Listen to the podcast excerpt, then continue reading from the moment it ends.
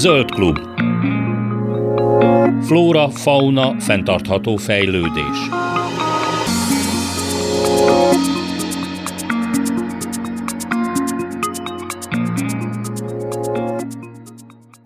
Kellemes délutánt kívánok, Laj Viktóriát hallják. A mai témánk ez lehet, hogy egy kicsit meglepő lesz így első első hallásra a hallgatóknak, de aztán, hogyha belegondolunk, akkor igazából rájövünk, hogy ez egy nagyon logikus témafelvetés, mert hogyha állatvédelemről beszélünk, akkor annyit látunk belőle, hogy ez egy egyrészt egy szélmalomharc, egy mókuskerék, viszont nagyon-nagyon szép olyan értelemben, amikor visszajelzést kapunk, vagy örökbe adunk egy állatot, vagy sikerül megmenteni valakit a, nem tudom, a sintértelepről és egyebek. Azzal viszont senki nem foglalkozik, hogy ezek a szakemberek nagyon is veszélyeztetettek olyan tekintetben, hogy kiéghetnek kiégnek. Ami nem egy friss, vagy nem egy annyira régi dolog az, hogy a kiégés szerintem diagnosztizálják, vagy egyáltalán beszéljünk róla, hogy ez micsoda. Jól tudom, akkor a 70-es években került egyáltalán képbe ez az egész kérdés. De én most egy kicsit ennek jobban utána járunk. Azért hívtam meg a stúdióba Antal Gábort, krízis intervenciós tanácsadó szakpszichológus. Szerbusz, köszönöm szépen, hogy eljöttél. Köszönöm én is a meghívást. Mielőtt még belemegyünk a, a konkrét témába, szerintem mindenképpen tisztázzuk, hogy mi az, hogy kiégés. Nagyon sokat hallom ezt a környezetemben uh-huh. is magamtól is, hogy hát teljesen ki vagyok égve, kell valami környezetváltozás, valamilyen változás, de ez nem feltétlenül azt jelenti, hogy valóban klinikailag kiégtem, hanem lehet, hogy valami más áll a háttérben. Igen, ahogy hallottuk az előbb, a 70-es évektől körülbelül datálódik az egészségpszichológia irányzata felől, a pozitív pszichológia irányzatok felől jelenik meg a kiégés, mint jelenségkör megalkotása, definíciója, és való igaz, hogy sok-sok életterületet érinthet hagyományosan a munka világához kapcsoljuk, hogy valaki a kevésbé szeretett, vagy ne talán gyűlölt, utált munkáját, tevékenységét tartósan végzi visszajelzések nélkül, és ezek úgy szól, hogy a pozitív visszajelzés elmarad a munkáltatótól, vagy a, a szakmai környezettől, nincs miből táplálkozni az egyénnek, viszonylag gyorsan el lehet jutni a kiégésnek, vagy ugye idegen szóval burnout szindrómának a tüneteihez. Ez az egyik. Meglepő módon egy olyan dolog is előállhat, hogy szeretett, vágyott és kedvelt hivatást űz az adott mhm. egyén, a főszereplő, mégis, a, bármilyen hihetetlen hangzik, kérem a, a hallgatókat, hogy próbálj meg elképzelni és elhinni, hogy még azt is túl lehet tölteni, avval is túl lehet telítődni, hogyha valamit szeretek, imádok, gondoljuk egy prozidóban az étkezésről, ugye jóból is megárt a sok. Szóval, hogy, hogy hiába vagyok a helyemen, a munkában, ha nem figyelek oda arra a kényes egyensúlyra, hogy terhelhetőség kontra ellazulás, kikapcsolódás, alvás, tehát egy nagyon alapvető élettani funkciók, akkor bizony ott is előállhat a kiégés. Tehát nagyon is érvényes, hogy erről beszélgetünk, egyre többet beszélünk, és akkor természetesen az állatvédőknél is megjelenik, mert ott halmozottan nagyon nagy a terhelés. Sok uh-huh. haláleset van, sok veszteség van, sok nehéz helyzet van a, a mentett állatok miatt. Én azt gondolom, hogy sokszorosan ki vannak téve a kiégésnek. Itt a fizikai faktorokat, vagy fiziológiai faktorokat is említed, mint az alvás hiány. Igazából mi, mi volt előbb? A lelki teher, vagy a fizikai, vagy a kettő összefügg? Ez, igen, ez jó kérdés. Nehéz, nehéz ezt megállapítani.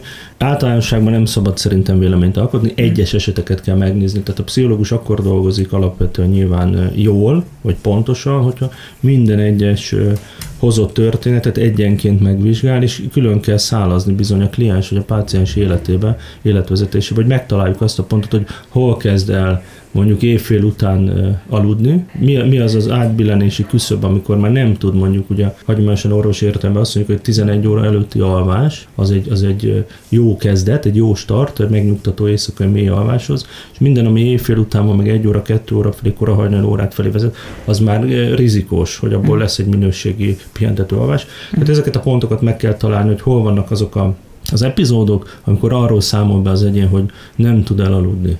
Én azt gondolom, hogy előbb vannak környezeti ingerek, mhm. előbb vannak benyomások, amiknek kitettek vagyunk, nagy a rizikó, a risk, és arra való hatás, vagy válaszreakció lehet az, hogy elindul egy, egy álmatlanság, és az álmatlanság, ha tartós, akkor nyilván kialvatlansághoz vezet, ami aztán nagyon-nagyon mélyen meg fog ágyazni a kiégésnek. Tehát egy ilyen prózai dolog, mint a kialvatlanság mm. tartósan eleve mélyíti a kiégést attól függetlenül, hogy szeretem-e a munkámat, vagy nem szeretem. E, az alvás az nekem egy ilyen veszélyparipám. Annyira elhanyagoljuk, hogy ez nem igaz, annyira lebecsüljük, hogy ez valami eszméletlen és hihetetlen problémákat okoz az életünkben, de ez nyilván egy másik műsornak a tartalma. Lesz, mint ahogy volt is egyébként.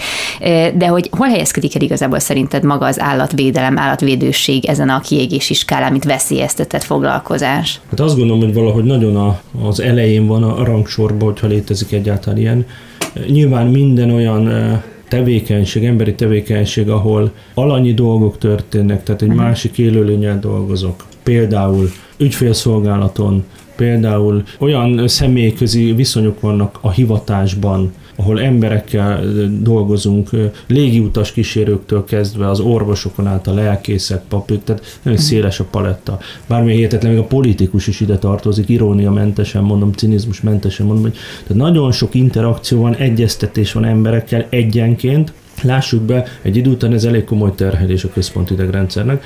Nem akarok nagy különbséget tenni halmazok között, hogy mondjuk például egy informatikus, aki idézőben csak a számítógéppel, a szoftverekkel dolgozik, vagy fejleszt, programozik, neki mennyivel könnyebb. Nem ezt állítom, hogy könnyebb, hanem ez egy másfajta terhelés, amikor egy tárgyasultabb, egy objektívebb munkám van, vagy napi tevékenységem, az egy másfajta megterhelés, vagy kihívás, és teljesen más készségeket, képességeket igényel, hogyha egész nap emberekkel beszélek, és folyamatosan kooperálok kölcsönös viszonyban. Most ugye az állatvédőknek azért speciális a helyzete, mert élőlényekkel uh-huh. dolgoznak, nyilván, sokkal 50, 100, 200, akárhány kutyával, macskával, vagy egy, egyéb mentett állattal. Ott másfajta kommunikáció van, nyilvánvalóan a verbalitást más jelent, mint két ember között, de azt gondolom, hogy azért nagyfokú a, a kockázat náluk, a kiégés tekintetében, mert az ellátandó állatnak a törékenysége, kiszolgáltatottsága, az esetlegessége a dolgoknak, hányféle módon kell állatot menteni.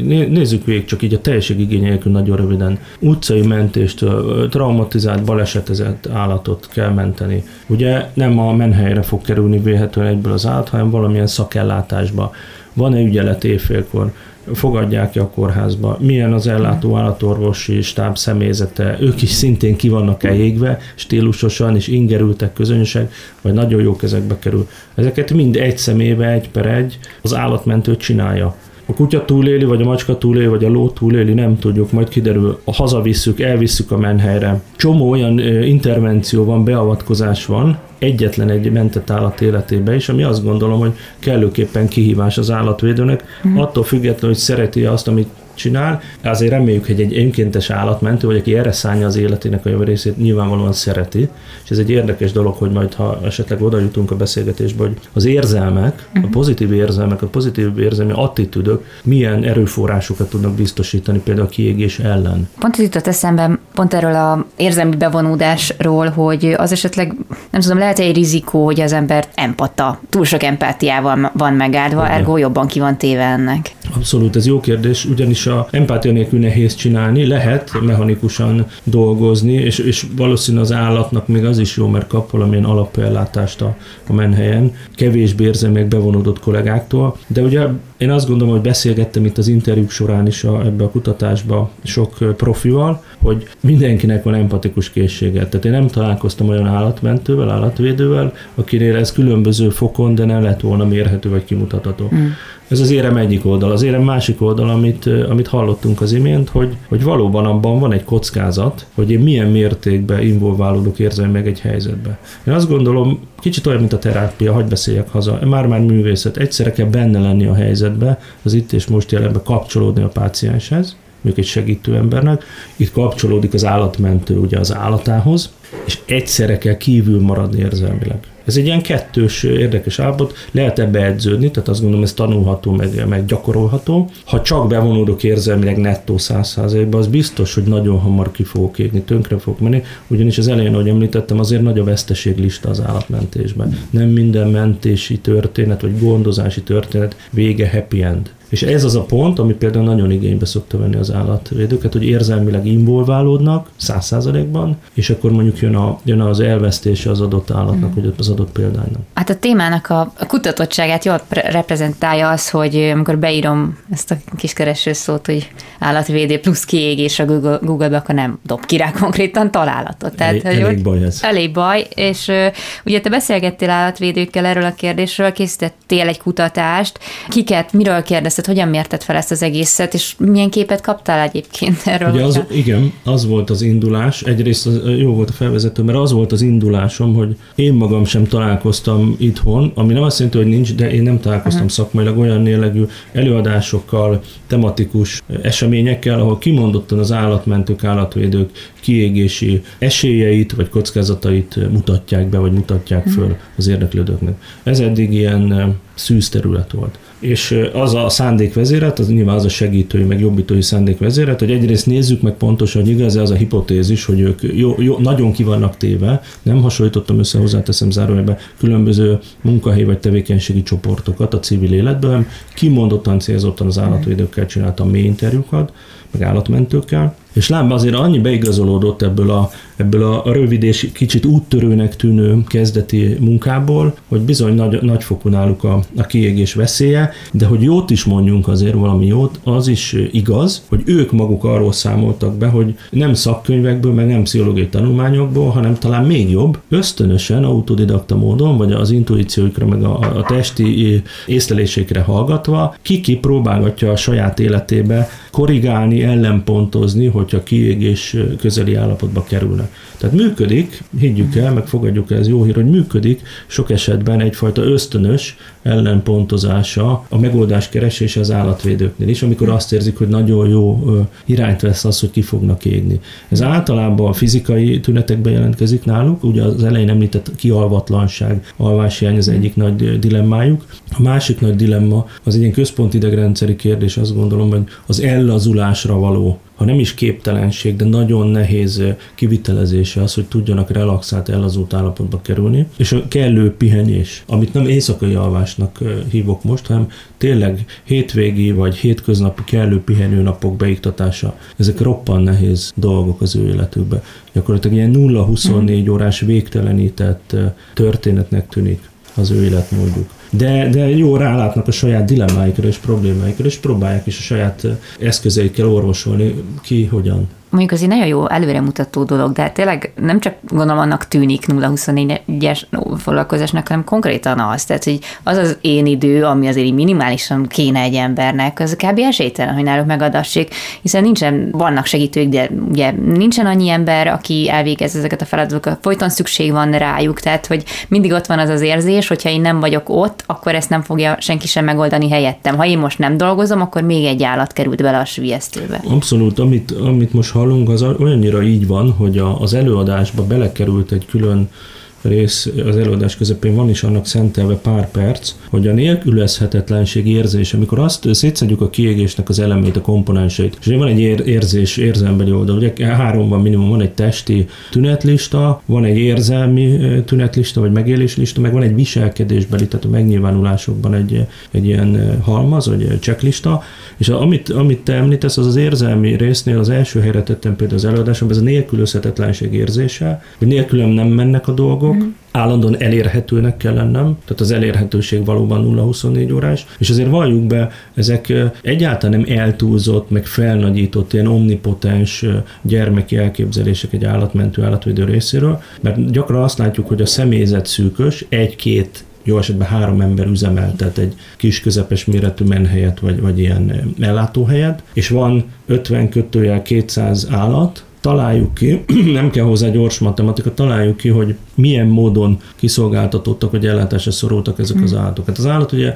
Persze. itt a, a nyugati kultúrában, vagy városi környezetben társállatokról beszélünk, önellátásra képtelen. Ugye ők nem vadállatok kinn az erdőben, hogy megtalálják az élelmet, meg biztosítják a búvóhelyeket, hanem ránk vannak utalva. Még konkrétabban az adott menhely stábjára, a személyzetére, vezetőjére, állatmentőkre vannak utalva. Ebből logikusan adódik, hogy nem is nagyon távolodhatok el, mm. én, mint működtető a helyszíntől. Például erre, amit most behoztunk, erre volt egy jó eklatáns példa, hogy két állatvédő egymástól függetlenül is úgy fogalmazta meg ezt a távollétet, vagy, vagy elérhetőségi dilemmát, hogy úgy tud kikapcsolni, vagy ellazulni, hogy elmegy egy órát, beül az autójába, és megy egy órát, autókázik egyedül. Uh-huh. Nincs hátul boxban, a, a kutya a kombi autóban, nem, nem az állatorvoshoz szalad, vagy patikába. Ő kihasít a napból egy órát, sajnos nem minden nap, csak néha, beül az autójába, és elmegy. Hm, zenét hallgat közben, átgondol dolgokat, jön, megy, ha, ha monotonitásra vágyik, fölmegy az autópályára, visszafordul a felé, hazamegy, kezdődik előre. Egy másik állatvédő távolabbi helyről, az ország másik pontjáról, arról számol be, hogy nála a wellness idézőjelben, vagy a, amit mi köznyelven így hívunk a mai világban,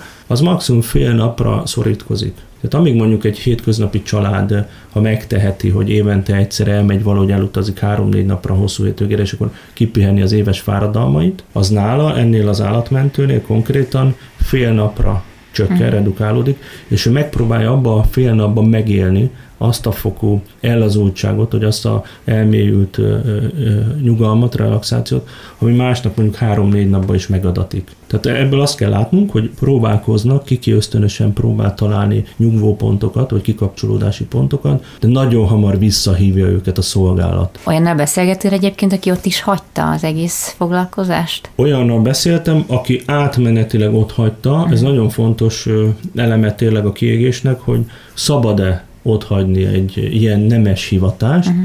hogy jön az ki a közösség számára, vagy a társadalom számára, vagy még inkább magam számára, hogy ott hagyom ezt a, ezt a csodálatos dolgot, amit például az állatmentés uh-huh. jelent, vagy amilyen fantáziák hozzátapadnak, hogy miféle gyönyörű dolog, Természetesen van ilyen személy, itt kétfelé ágazik a, az életút. Ugye A esetben történhet az logikusan, hogy valaki végképp föladja az állatmentést. Van rá példa, én pszichológusként azt tudom mondani, hogy azonnal egyből, hogy ez egyáltalán nem szégyen, nem kudarc, minden esemény, ezt tudjuk jól a egzisztencialista pszichológiában, meg mélylélektani irányzatokban, minden esemény olyan értelmet kap és olyan jelentést kap, amit te adsz neki. Ha te valami ragaszkodsz ahhoz, hogy az állatmentő hivatásodat föladva az neked egy nettó kudarc, akkor lehet, hogy én pszichológusként se tudlak lehozni erről a ragaszkodásodról. De hogyha egy kicsit józanabbul, tárgyalagosabban, messzebbről megnézzük az adott életeseményt, hogy valaki éveken át ment állatokat, ami csodálatos dolog, úgy hiszem. És utána föladja, mert kiégett, és már veszély, vesz, kockán forog veszélyeztetve az egészsége, meg a mentális állapota.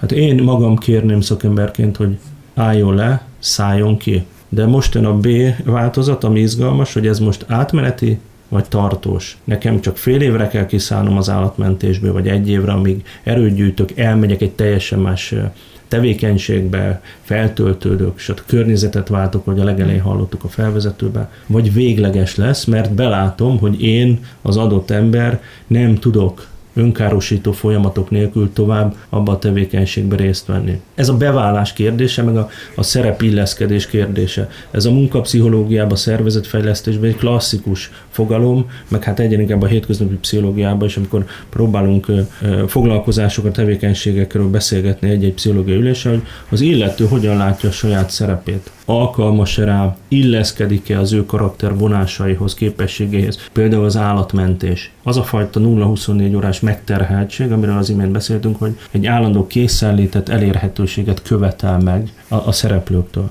Ezt őszintén egyenesen be kell látni, hogy én erre alkalmas vagyok, vagy csak félig vagyok alkalmas, sokféle árnyalat van. Lehetek csak önkéntes hétvégén Hát az is zseniális, hogy elmegyek, segítek megfőzni a melegételt télen a, a stáb tagjainak, megsétáltatom a 50-100 kutyából amennyit éppen tudok, és akkor én címkém szerint egy önkéntes állatvédő, állatmentő vagyok. Vagy csak szilveszter éjjel a, a teljesen őrült nek tűnő tűzijáték petárdázás hangzavorába elmenekült meg, meg veszélyeztetett állatokat segítek összeszedni. Az éve egy napján, de a 364 napon más a dolgom. Tehát annyiféle lehetőség van az állatmentésre. Uh-huh. Az, a, az a jó, az a szerencsés, hogyha kiki megtalálja a képességekhez élő feladatot. Ugye ezt említetted, hogy ezek az emberek már felismerték, hogy ők egy ilyen problémával állnak szemben. Gondolom, hogy azért meg kell különböztetni azt, amikor valaki még csak a kiégés felé menetel, és azt, amikor már egy kiégett állapotban van, hiszen nem mindegy a kezelés szempontjából sem, vagy a megoldás szempontjából sem. Hogyne, ugye erre is igaz, mint néha, és extrém szélsőséges példát hozok, de az analógia egy picit igaz lehet a, a súlyos daganatos betegségeknél mondják onkológusok, szakorvosok az ellátórendszerben, hogy a korai felismerés, amikor jönnek az első szignálok, jelek, azt észlelem és látom pontosan, be tudom azonosítani, hogy nagyjából mi készül, minek az előszobájában vagyok már, az, az nyilván nagy hatékonysággal, meg nagy hatásokkal segíthet a megelőzésbe, vagy hogy ne kerekedjen ki egy negatív történet. Tehát nagyon fontos, hogy minél korábban észleljem azokat a testi tüneteket, étvágytalanság, fáradékonyság, közöny, kialvatlanság, és ez mindez tartósan, és akkor csak négyet mondtam húszból, hogy mi, mivel állunk szembe érzelmi oldalról érzékeljem azt minél előbb, hogy fásultság, érdektelenség, krónikus ürességérzés, örömkészsége megszűnik, elolvad, se szexuális vágyak, se közösségi kapcsolódási vágyak barátokhoz, csátokhoz abban az időszakban nem motiválnak, és ez is tartós mintázatot mutat. Tehát, hogyha az ember ilyeneket él meg a saját bőrében, hát akkor azt gondolom, hogy érdemes egyenesen, becsületesen és bátran végig gondolni, hogy mi az a helyzet, amiben belekeveredtem, vagy belenavigáltam magam. Akár állatvédőként, vagy más tevékenység művelőjeként. Ezt minél tovább konzerválom, minél tovább elmélyítem ezeket a negatív tendenciákat, nyilvánvaló, és nem meglepő módon, annál nehezebb lesz majd később intervenciókkal, mm. pszichológiai foglalkozásokkal, vagy spontán ilyen emberi megoldásokkal kikecmeregni belőle. De ez bátorság kell, vagy csak az, hogy eléggé szenvedjen az ember, hogy változtasson? Kinek mi? Egy, klienssel beszélgettünk, hogy vajon az ő nehéz magánéleti helyzetében, és ugyanez a kérdés elhangzott egy terápiás ülésen, személyes bátorság kell, hogy föltegye magának a kérdést, hogy, hogy tényleg rossz az a minőség, amiben élek és élhetetlen, uh-huh. vagy nem bátorság kérdése, hanem nem szenved még eléggé, ezt is ugye a egészségpszichológia szereti használni ezt a kifejezést, szenvedés nyomás. Az egyén már kellő időt töltött, egy nehéz helyzetben, állatvédőknél maradva mondjuk egy ilyen kilátástalan 0-24 órás mentési helyzetben, és ugye mindig lesznek állatok, akiket menteni kell, tehát sajnos nincs az, hogy látom a végét, nem látjuk a végét. Tehát ez egy olyan fura ciklikusság az állatvédelem, hogy nincsen vége. És akkor ez egy nagy kérdés, hogy kellőképpen kell szenvedni a testemnek, vagy, a, vagy az idegrendszeremnek, a, az érzelmi világomnak, a pszichémnek ahhoz, hogy kiszálljak, és majd a szenvedés, ha átbukik egy küszöbön, el fog tolni a változás felé. Azt gondolom, hogy ez nem ez a legjobb út, ott már túl nagy lesz a költség, egészségügyileg, fizikailag, mindenhogyan, mentálisan,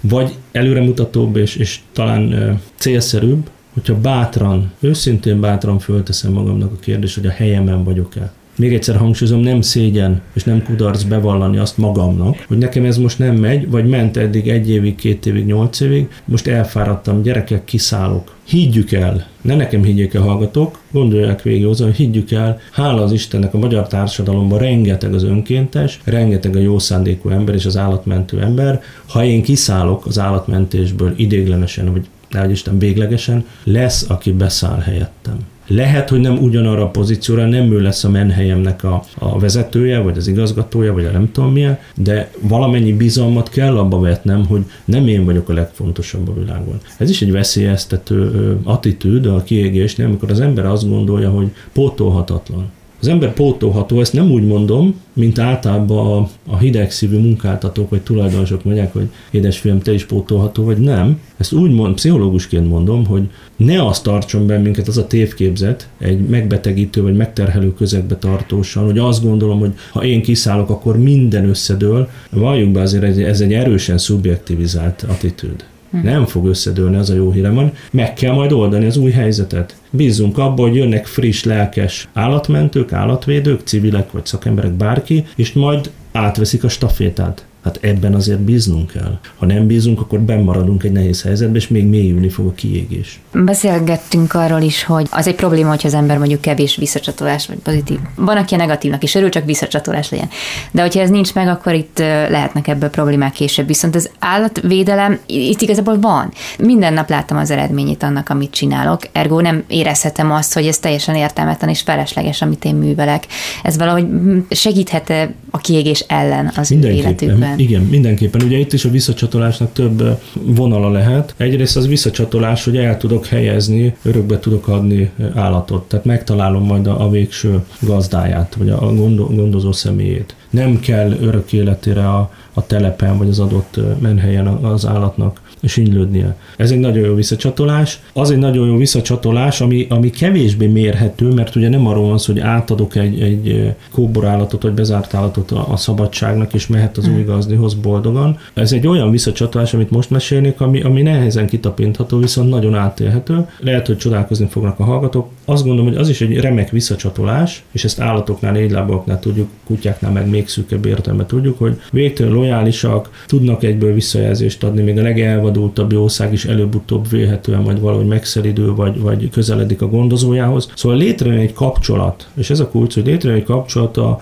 a, a mentő, az állatmentő, vagy állatvédő, és a mentett állat élőlény között. Na most, hogyha ezt a kapcsolatot komolyan vesszük, ha, ha elgondolkozunk egy picit rajta, hogy ott milyen emóciók jönnek, ugye? Hát állatvédők, állatmentők, állatszeretők erről regényeket tudnának, meg tudnak is írni. Akkor azt gondolom, hogy annak már van egy megtartó ereje, meg egy tápláló ereje, hogy ezt az, ezt az emóciós szállat, ezt egész nap működtettetem. Amikor belépek, vagy a kenel közelébe megyek, amikor visszamegyek a telephelyre, akár alkalmi segítő vagyok, akár fix státuszban vagyok egy menhelyen, ezt reggeltől estig át tudom élni, hogy ott örülnek nekem. Ugye nevezzük, nem értem, belépek az állataim közé, nem én, mert nekem nincs menhelyem, hanem látom a, a szakembereknél, vagy a, a lelkes önkénteseknél, és csupa boldogság van. Ezt aki járt már menhelyen, meg gyakran megy menhelyhez, átélheti, uh-huh. hogy hogyan fordulnak a, a minden nap látott és kiszámíthatóan ott lévő személyzethez a gondozott állatok. Ez zseniális. A személyzet oldaláról, az egyén oldaláról ez a fajta visszacsatolás, amit te is említettél, ez megvalósul percenként, meg fél óránként. És az egy izgalmas kérdés léleknek, hogy ez elége vajon, uh-huh. pusztán ez a fajta élmény, és ez a fajta jó emóció elége a főszereplőknek ahhoz, hogy ne égjenek ki. Most hírek következnek, aztán folytatjuk a beszélgetést Antal Gáborral, krízisintervenciós tanácsadó szakpszichológussal. Köszöntöm újra hallgatókat, továbbra is Laj Viktoriát hallják, és folytatjuk a beszélgetést Antal Gáborral, krízisintervenciós tanácsadó szakpszichológussal az állatvédők kiégéséről. A csoport kohézió, vagy az, hogy többen vannak ugyanabban a csónakban, ez azért segíthet kilendülni bizonyos helyzetekből, főleg ugye, hogyha van róla kommunikáció, de ez lehet egy út egyébként akár az ő kiégésére kiégésükben is, hogy megbeszéljék ezeket a problémákat, akár nem egyben helyen belül, de helyek közötti kommunikációban. Hogyne. Azt gondolom, hogy a, a, a társas helyzetek, meg, meg a, annak a felismerése, hogy nem vagyok egyedül. Ez ugye a pszichológia azt mondja, hogy egyetemlegesség érzés a csoport helyzetekben, hogy nem annak körülök, hogy neked is rossz, félreértés nehesség, hanem látom, hogy, ja, hogy még rajtam kívül más ember is kerül ilyen dilemmákba hogy én nem a 7,7 milliárdból csak egy vagyok, akit érint a probléma, hanem egy utcával odébb, egy faluval odébb, két várossal, megyével odébb, ebbe a pillanatban a kollégáim, másik lelkes állatvédők, állatmentők pont hasonló dilemmákkal küzdködnek, hogy nincsen új kerítés, honnan jön be a következő tápadomány, az állatorvos kidőlt a sorba, kell találni új állatorvost, elvesztettünk, úgy, tehát számukra a megélése a napi élményeknek az univerzális. Ebben nagyon segít az említett csoportos megbeszélés, hogy ezt most ők szervezeten csinálják, vagy, vagy önállóan magánban csinálják. Én azt gondolom, hogy ez is teljesen mindegy. A legfontosabb az, hogy tudjak közölni, tudjak megosztani élményt, nehéz élményt is, fájdalmas élményt, és tudjak elfogadni élményt. Ez fogja erősíteni az említett csoportkohéziót. Ne mondjunk le a társas helyzeteknek a segítségnyújtó hatásáról. Nyugodtan kérjünk segítséget. Uh-huh. Nem szégyen. Sokszor az a megoldás, hogy tudok és merek segítséget kérni. Ilyen egyszerű. De ez működik, nem az ajánlatvédelemben? Igen, ez kooperáció, a hál' a kooperáció működik. Valószínűleg most időhiány miatt abban nem tudunk belemenni, hogy egyébként meg milyen rivalizációk, meg, igen, meg igen. surlódások vannak felek, meg szereplők között. Az lehetne egy külön téma. Azt próbáljuk meg megérteni mindannyian, hogy egy hajóban nevezünk. És az a kettő kötője három millió kutya meg négy lábban, ami jelenleg Magyarországon megtalálható, bőven minden állatvédőnek ad kellőképpen elég munkát. Tehát ne versenyezzenek, hogy ki ment többet, meg ki mit csinált, meg nem csinált. Ez zsákutca, ez egy meddő vita, egy meddő konfliktus, sehova nem vezet. Ha az a cél rövid, közép, hosszú távon, hogy állatokat mentsek, akkor érdemes arra fókuszálnom, nem arra, hogy a másik mentőhelyen a kollega vagy a, a nem tudom milyen szakember éppen mit, hogy csinál. Egy olyan embernek, aki az egész életét és minden óráját állatok közt tölti, annak vajon használna egy állatasszisztált terápia, vagy ez pont ugyanabba a közegbe kerül vissza, amiből ki akarna szakadni? Őszinte leszek, az előbb mondtuk, hogy bátornak kell lenni a kérdésfeltevéseknél, soha nem hallottam még ilyen kérdést, tehát ez a premier, és igyekszem megválaszolni. Most az első válaszom picit humoros lesz, de nem akarom elviccelni komoly a téma, hogy egyrészt nem tudom, másrészt meg meg kéne nézni egy éles helyzetben, hogy aki eddig életében tényleg állatok mentésével foglalkozott, akkor most egy kicsit tegyünk bele egy csavart, vagy egy kiflit ebbe a mondatba, azt vajon az állatok meg tudják-e menteni. Azt gondolom, hogy igen. Tehát, hogy az, az, az emberi lélek, az emberi érzésvilág, az emberi pszichikum nagyon-nagyon sokáig, már-már a végső állapotig, amíg a falig el nem megy, meg tud újulni. az egy izgalmas kérdés ebben a felvetésben, hogy vajon eszközként, most az eszközt ne, ne ijedjenek meg az átvédők, pozitívan mondom, és sok idézőben, hogy eszközként ebben a pont az állatasszisztált terápia segíte, nem tudom, meg kell nézni. Vagy másfajta állat. Ha csak kutyákat mentettem, azért egy lovas terápia más élményvilág, teljesen más megközelítést, akár fizikai megközelítést igényel egy ló, meg a hátára felülni, meg együtt lenni vele, mint egy tized akkora méretű kutya. Tehát azt gondolom, hogy ennek van létjogosultsága a felvetésnek, én gondolkodni fogok rajta, meg hát ezt is meg kéne vizsgálni, mint oly sok minden új és klassz dolgot az állatmentésbe, állatvédelembe, ezt is lehetne kutatni. Beszélgettél nagyon sok állatvédővel, személyes tapasztalatokról kérdezted őket. Voltak-e olyan meghatározó elemek, ami mindenkinél előjött, akivel beszélgettél, vagy a legsűrűbben? Akikkel készültek a, az interjúk, ezek egyébként mély interjúk voltak, tehát nem 5-10 perces futó beszélgetések, hanem egy-két órás, akár három három órás elmélyült és egyre részletesebb dialógusok. Szóval, hogy az állatvédők, állatmentők, akik sikerült leülnöm, abban egymástól függetlenül megegyeztek, vagy hasonló analógiákat mondtak három nagy területre. Az egyik az az ellazulásra, pihenésre való, ha nem is képtelenségük, de nagyon nehéz megvalósításuk. Valahogy náluk úgy tűnik, hogy a, az erőfeszítéseik, a, a feladathoz való viszonyuk, a helyzethez való viszonyuk, meg akár a helyzeti tolerancia tűrés, ez akár később megnézhetjük, ez olyan szempontból ütközik nehézségbe, hogy nem talál, mintha nem találnák meg minden esetben azt a finom kényes egyensúlyt, ami a, az állatok mentése, az állatok elhelyezése, az állatok gondozása kontra pihenés között van. Ez a balansz nagyobb fokú tudatosságot igényelne tőlük, én ezt láttam. Uh-huh.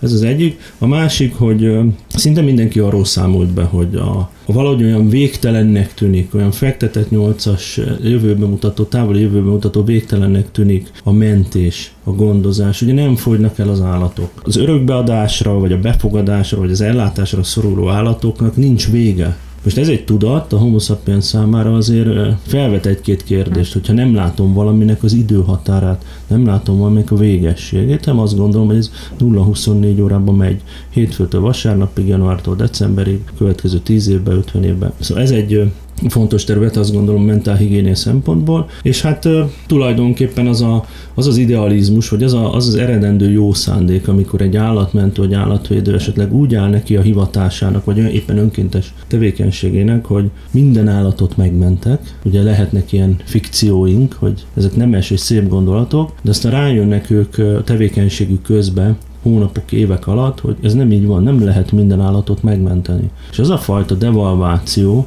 a gondolati világban, hogy nekiállok ideál, ideálisan vagy idealistán, hogy mindenkit megmentek, és utána jön a kiózanodás, az életszerű tapasztalat, hogy ez nem lehetséges, az is felveti a kiégésnek az egyik lehetőségét, vagy az egyik faktorát. Sőt, hogyha minden nap az arcodban van az, hogy mennyire, mennyire kegyetlen ez a világ, a, a neglegálás, a, az idiotizmus, a kegyetlenség, az agresszió, az nem csak a, a gondolom a, a munkáddal kapcsolatban, vagy a munkáddal kapcsolatos kiégésthez járul hozzá, hanem egy teljes reményvesztéshez az egész élet iránt. Így van, amit most említettél, arról eszembe jut, hogy a, a kiégéshez vezető út ugye sokféle lehet, és kumulálódik, összeadó több erőhatást, most említette jó néhányat, amik egyenként is elég súlyosak, uh-huh. az agresszió, missziót megélni, bántalmazott kutyákat menteni, stb. Amit észrevettem, így a, az állatvédő, állatmentő emberekkel dolgozva, hogy konfliktusok, és a konfliktusok alatt nem csak nyílt éles vitákat értek, veszekedéseket szervezetek között, állatvédő és állatvédő között. Szóval, hogy a kiégésükhöz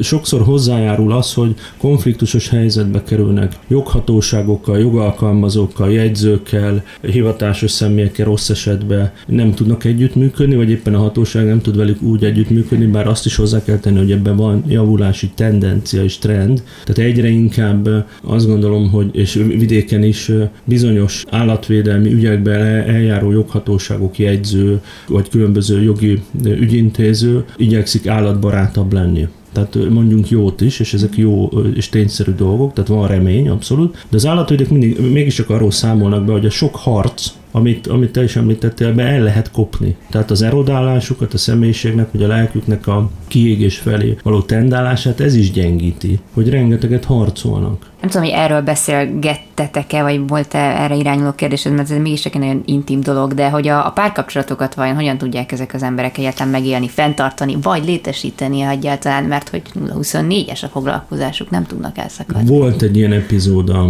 a, a kutatás során, rá is kérdeztem nyilván, meg, meg sokszor természetesen spontán mondom, ők maguk vallottak, vagy behozták a témát hmm. úgy nyilván limitálva, és még a komfortzónán belül a, a, a magánélet, a privát élet, a, az intimitás, a párkapcsolati témát, és akkor az, az előadásban volt erre egy külön epizód, amikor azt összehasonlítottam, hogy az állatvédő, állatmentő munkának kvázi előnye és kvázi hátránya, és a hátrányai között abban az oszlopban volt ez, amit te említesz, a párkapcsolatnak, a, a mondjuk, mondjuk azt, hogy a kockázata, a kitettség egy ilyen munka mellett. Uh-huh. Azt gondolom, hogy mint a, a nem állatvédő embereknél is, nagyon fontos, hogy a két emberi lény, aki, aki együtt él, úgy dönt, hogy együtt élnek párkapcsolatban, azok mennyire illeszkednek egymáshoz. A személyiségük, a vonásaik, a jegyeik, a karakterjegyeik passzolnak egymáshoz, nyilván semmi meglepő nincs, mert minél inkább összeélik két ember egymáshoz, annál jobban, koherensebben, kompaktabban fognak tudni működni, ez igaz az állatvédőkre is. Kétféle nagy halmaz van, az egyik az a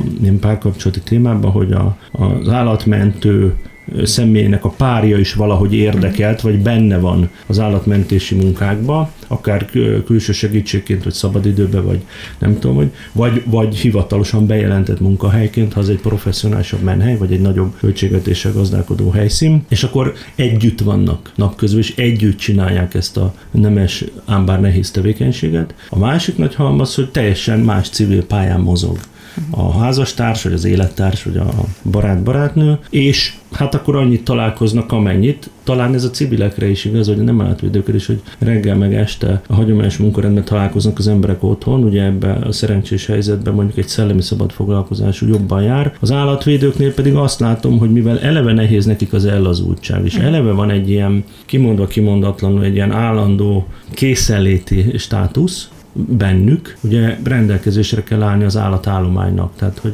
oké, okay, hogy éjjel hazamegyek, hanem ott lakok a menhelyemen vagy a telepemen, de hát nem délután négykor megyek haza, és nem másnap délbe e, csatangolok be Persze. a menhelyre, hanem hogy nagyon ki van feszítve, ki van maxolva a munkanap. És ugye szombat-vasárnap is non-stop, tehát nyilván, ha minél több alkalmazott van, vagy önként, és akkor meg tudják szervezni, én azt látom a telephelyeken, vagy a menhelyeken, a napi beosztást, vagy a heti beosztás és a hétvégi önkéntes segítést. Még egy fontos dolog, ahogy most itt beszélgetünk, eszembe jut, hogy erőforrásként, ha már a kiégésnek a, a mikéntjét nézegetjük, erőforrásként nagyon fontos az a felismerés, hogy a főszereplő, jelesül éppen egy állatmentő, állatvédő, rendelkezik-e és igényli azt az alapvető segítséget, hogy behívni külső bárkit felajánlásokat, delegálni feladatokat, tehát a, a megosztás, feladat megosztás, munka megosztás, mint bármilyen munkahelyen vagy tevékenységben, itt kiemeltem fontos. De hogyha valaki hajlandó is segítséget kérni, még mindig ott a kérdés, hogy, hogy kitől. Tehát, hogy nagyon sok menhely küzd azzal a problémával, hogy nem tud ö, a telephelyre embereket szerezni, mert az a pénz, az a bér, amit adni tud nekik, az igazából semmi, és azért nem fog elmenni senki, vagy aki ugye elvállalja, valamiért nem fog beválni. Hát, amíg az állat védelmi kultúra, akár magasabb szinten, szervezeti szinten, államigazgatási szinten, kormányoktól meg rendszerektől függetlenül mondom, ez teljesen mindegy, hogy éppen melyik párt van hatalmon, vagy több van hatalmon. Szóval amíg az állat védelmi kultúra nem szűrődik le teljesen a társadalom legalsó szintjére, és nem járja át a társadalmi szövetet, az a fajta tudatos, empatikus, felelősségteljes gondolkodás, hogy hogyan bánjunk az állatokkal, természetesen minél jobban, meg minél kedvezőbben, és ez az utolsó oktatási helyre, óvodába, bölcsödébe, iskolában nem jut el, akár tananyagként, addig nyilván nagyon nehéz lesz behívni erőforrásokat, ebben teljesen igazad van. Mégis meg kell próbálni, és amíg nincsen nagy komoly állami dotáció vagy segítségadás, például úgy, hogy munkahelyeket teremtenek állatvédelmi helyszínekre, ugye ez, nekem ez egy kézenfekvő gondolat. Valószínűleg a döntéshozóknak még nem, és a mégen van a hangsúly, reméljük, hogy előbb-utóbb majd az lesz, mert akkor nem lesz gond az alkalmazotti státusszal, akkor, akkor föl lehet venni embereket, lelkes, jó szándékú embereket, addig viszont marad az önkéntesség az pedig esetleges valóban. Meg akkor megint bejön egy plusz feladat, amit ellásson az ember, tehát nem elég, hogy fenntartja ezt a helyet, gondozza az állatokat, megküzd a hatóságokkal, papírozik, hanem akkor még az adományokat is szervezze meg, szervezze meg az önkénteseit, legyen aktív ezen a területen, ami ugye nem minden személyiségből magától eredő dolog, hogy ezzel ö, meg tudjon küzdeni. Igen, ez egy újabb faktor a kiégést vizsgálva, hogy vajon az egyén adottságai, képességei, amit említettél, hogy, hogy aktívabb, meg megküzdőbb karakter rendelkezik-e olyan átlátó képessége, probléma megoldó képessége, hogy mondjak egy esetet név nélkül. Valaki alkudozik a szónak megint csak a legjobb értelmében, gyepmesteri telepeken, kereti ország részben, ez nagyon szenzitív, nagyon húsba vágó téma, hogy van olyan állatvédő, aki benne van a területben, az úgy is tudja, kire gondolhatok, aki erre esküdött föl, hogy 10-20 éve kimondottan a haláltorkából ment állatokat a leülés elől, az eutanázia elől. Hát ott, mi, ott milyen attitűdnek és milyen készségeknek, talentumoknak kell rendelkezni, hogy a néha finomabban, néha erélyesebben, de zseniális módon bölcsen megtalálja mindig úgy a, a kommunikációs kulcsot, vagy a helyzeti kulcsot a gyepmesterhez, vagy, a, vagy nem tudom, ezeket a vágóhidakat üzemeltető személyzethez, hogy ki tudja hozni az állatot. Ez is egy készség. Kérdés az, és akkor ez már az önismeret felé mutat egy kicsit, hogy a főszereplők tudják-e, tisztában vannak-e vele, hogy ők miben erősek. A kiégésnek, hogyha hogy megint valami jót is mondjunk azért, a kiégésnek mondjuk az egyik orvossága lehet, akár megelőzés szintjén, vagy intervenció szintjén menet közben az, hogy felismerem, hogy mire vagyok alkalmas, és azt a dolgot erősítem még jobban fel. Ha olyan a, a karakterem, hogy a gondozásba, a betegápolásba, az istápolásba vagyok jobb, és üzleti tárgyalásokba, önkormányzatokkal, a helységről, a szolgáltatókkal, energiaszolgáltatókkal, meg felajánló cégekkel alkudozni, nem vagyok olyan jó, semmi baj, hát ez nem szégyen, vagy ez nem bűn. Az a zseniális lehetőség megvan, hogy felismerem, hogy mi az erősségem. Aki meg abban jó, hogy megy előre ékként, és, és tolja félre az akadályokat, az lehet, hogy kevésbé jó abba, hogy lelassúva, türelmesen 8-10-200 állatot etessen, cumisztasson, nem tudom, ott legyen az ellésnél, vagy a születéseknél, vagy stb. stb. Tehát az a lényeg, hogy mindenki tegye meg a maga dolgát, amiben ő jó és amiben erős. Olyat erőltetek, ami nem a sajátom, az megint csak a kiégéshez fog vinni. Uh-huh. Ezek inkább gondolom a, meg, a mentális nehézségek vagy kihívások, ezek, amiről itt most beszélünk, de az érzelmi, hogy mondjam, megterhelésről olyan tekintetben nem mehetünk el, hogy, vagy nem kerülhetjük meg ezt a témát, hogy ezt te is felhoztad a, az előadásodban, hogy nagyon fontos a megelőzés szempontjából elfogadni azt, hogy van élet és hogy van halál, és hogy ezek elkerülhetetlen dolgok, de hát koncentráljunk nyilván az életre, mert hogy az, az most itt van, és az van előbb. Viszont hát a gyász az folyamatosan jelen van az ő életükben. Gyász folyamatot végig élni, vagy feldolgozni egy gyászt, az normál helyzetben is rohadt nehéz. De hogyha ezzel napi szinten találkozol, és ugye főleg, hogyha olyan állatokról beszélünk, akik mondjuk közel kerültek hozzád, mert ott van már nem tudom, öt éve, és nem annyi kudarc társult hozzá, és plusz még el is veszítetted, mert elpusztult.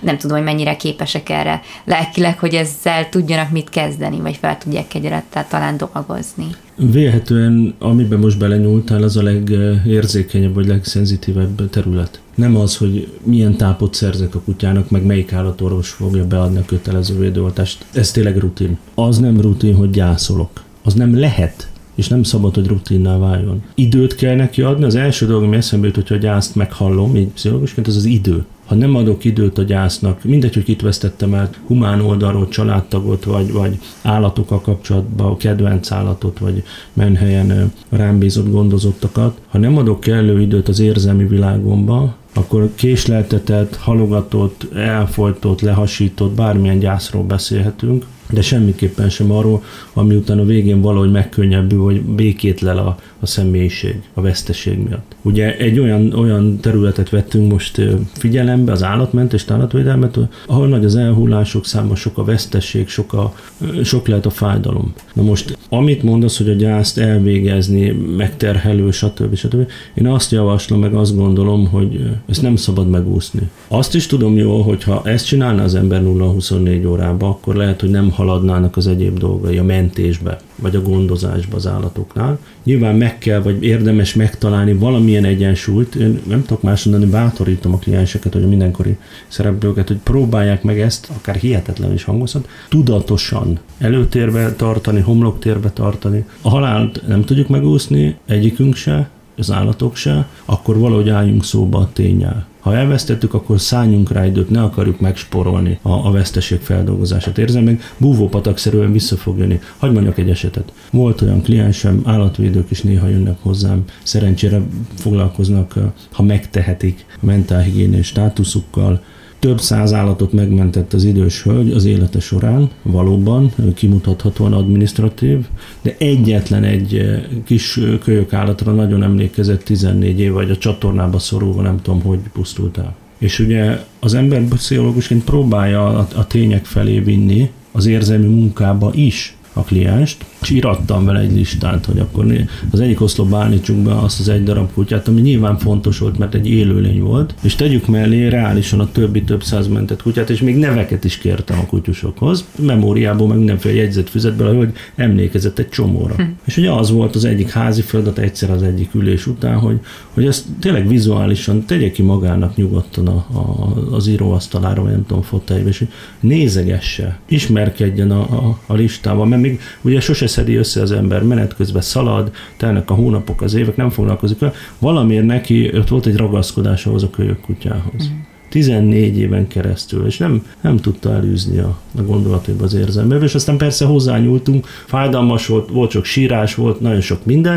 de aztán sikerült elengednie. Az élettel kell foglalkozni és utána majd jön a halál. A kronológiát ne, ne, ne cseréljük föl, ha nem muszáj. A másik az a nemetmondásnak a kérdése, ami egy borzasztó nehéz feladat civilként is, tehát nem állatvédőnként is kialakítani a saját határaidat, pláne az ő helyzetükbe. Ez a nemetmondási kérdés, képesség szerinted mennyire adott, vagy van jelen az ő életükben, vagy mennyire tudják, hogy nekik ezt kéne csinálni, csak nem megy egyszerűen? Hogyha, hogyha már kellőképpen bölcsek, és találkoztam, sőt mondhatom, hogy igazából minden, minden állatvédő, akikkel interjúztam, életkortól függetlenül ő rendelkezett már nagyfokú bölcsesség, és nyilván rengeteg több ezer órányi, meg tízezer órányi tapasztalattal, de igen, valahogy a nemetmondás, tehát a, a, egy, egy, azt szoktuk mondani, hogy egy helyzeti toleranciában, vagy egy ilyen stressz toleranciában, amikor van egy megkeresés, jön egy input, hogy figyelj, jön egy hívás, vagy egy e-mail, hogy itt és itt egy traumatizált kutya, igaz, hogy már 200 van a kertbe, 201-nek ezt látjuk a Facebookon, napi szinten rengeteg ilyen van, átvevőket keresünk, ideges gazdakat keresünk, szóval nemet mondás gyakran nehezen megy nekik, mert ugye van egy mérlegelés, gondolom én. A mérlegelés az, hogy van egy kapacitásom, területbe élelmiszerbe, saját ráfordított energiába, életerőbe, bármibe. Ez az egyik mérlegserpe. A másik az, hogy van egy megkeresés, egy megbízás, hogy SOS helyzet van. Ugye unalomból, meg feleslegesen senki nem keres meg mentés szempontjából senkit, jó esetben. Nem játszunk egymás idejével, meg energiájával. Tehát, hogyha van egy helyzet, akkor egy állatvédőbe persze, hogy bekapcsol egy piros lámpa a fejébe, hogy most akkor mentés van, vagy védelmi helyzet. Oldjuk, oldjuk meg, ugye nekem is mindig interjúval mondtam, oké, akkor oldjuk meg, megnézzük, hogy hogyan. Vannak kreatív megoldások, meg nagyon szívósan, kitartóan keresik több szálon az elhelyezési opciókat, de valahogy a nemetmondás, tehát amikor behúzom a határt, és azt mondom, az marha nehéz, hogy figyelj, nem tudom fogadni az állatot. Megszólalhat belül önvádlás, lelkiismeretfurdás, bűntudat, egy csomó olyan elem, amivel megint csak kéne foglalkozni lélektani oldalról. És egy kicsit megint ahhoz hajaz a, a legelső nagy halmazhoz, hogy, hogy mindenért én vagyok a felelős, mindent nekem kell valóban elrendezni itt a bolygón. Meg ezek nagyon nehéz kérdések. Mi itt könnyedén beszélgetünk róla, de amikor ben van valaki ágyazva kontextusba, egy helyzetbe, és ott döntenie kell, hogy nemet mondok egy telefonra vagy egy élő állatra, ezek baromi nehéz helyzetek. Persze. Mégis azt kell mondanom pszichológusként, hogy ki kell alakítani valahogy legalább a kereteket, az én határokat, hogy meddig tart az én kompetenciám, azt mondom, hogy ezért még én vagyok felelős, és hol kezdődik az, amiért már nem én vagyok felelős, hanem ti, többiek, társszervezetek, unokatesók, kollégák, szomszédfaluba, jó szándékú emberek. Kapcsoljuk össze a két nagy témát, a segítségbehívás. Ugye egy 10 percre beszéltük, hogy erőforrásokat begyűjteni. Kiváló alkalom arra, hogyha nem tudok nemet mondani, akkor legalább mozgósítsak. Csak arra visszakapcsolódva, hogy említetted itt a pácienst, akivel, vagy a klienset, akivel felirattad ugye a megmentett állatoknak egy listát róla, hogy az jutott eszembe, hogy tulajdonképpen akkor ez egy olyan szakma, ahol, ahol könnyebb egy kicsit beavatkozni, pont ebből kiindulva, hogy könnyű felsorakoztatni azokat a pozitívumokat, vagy értékeket, amiket te itt letettél az Ez így van, tehát hogyha fegyelmezettek vagyunk, ha tudatosak vagyunk, pszichológiai oldalról mindenképpen, akkor egy olyan jól áttekintető struktúrát keretbe visszük a konzultációkat, terápiákat, bármilyen is nevezik a,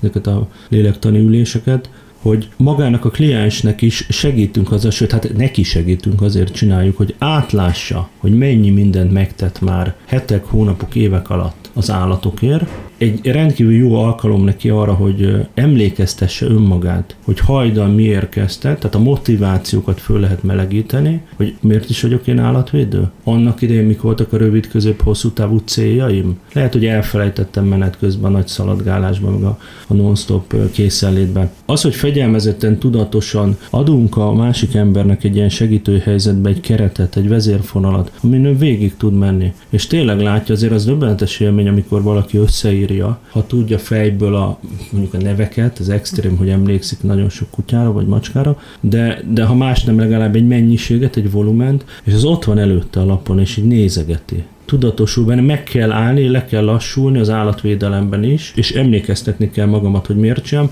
És akkor még egy dolgot mondjunk a végére egy jó faktorként, az az elégedettségérzés. Nem győzöm hangsúlyozni, hogyha valaki egy állatvédő, állatmentő, a veszteséglista, az elhullott állatok, elpusztult állatok mellett arra tud fókuszálni, két szemünk van, legalább az egyik szemünk legyen a megmentett állatokon. Elég, ha a másik szemünk van a, a, a vesztesége, nem kell mind a két szemmel a, halált meg a veszteséget bámulni. Az egyik szemem a megmentett állatokon van, a múltba is, meg a jelenbe is. Nagyon fontos, hogy megszületik-e bennem az érzés. Erősen ö, javaslom mindenkinek, aki ebbe a, a dologba fog, állatvédelembe, állatmentésbe, hogy időről időre emlékeztesse magát, hogy mennyi minden jót tett már, és higgyel nekem, hogy eredendő nem egy klinikai patológiás karakter, hanem egy átlag normális emberi lény, akkor ez, ez nem fog narcisztikus gőgöt, nem fog beképzeltséget, valami önteltséget, büszkeséget okozni benne. Ez a fajta elégedettség pont, hogy ellenpontozza azokat az erőket, ami a kiégéshez vezethet. Tehát nagyjából elégedetnek kell lennem azzal, amit csinálok, és azért tettem elé, hogy nagyjából,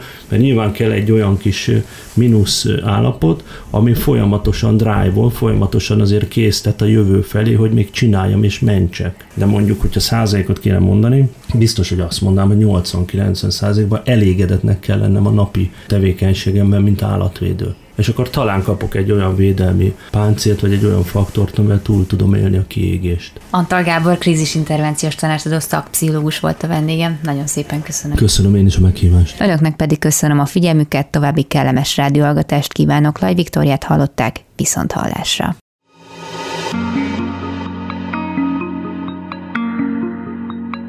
Flóra, fauna, fenntartható fejlődés. A Zöld Klub adását hallották.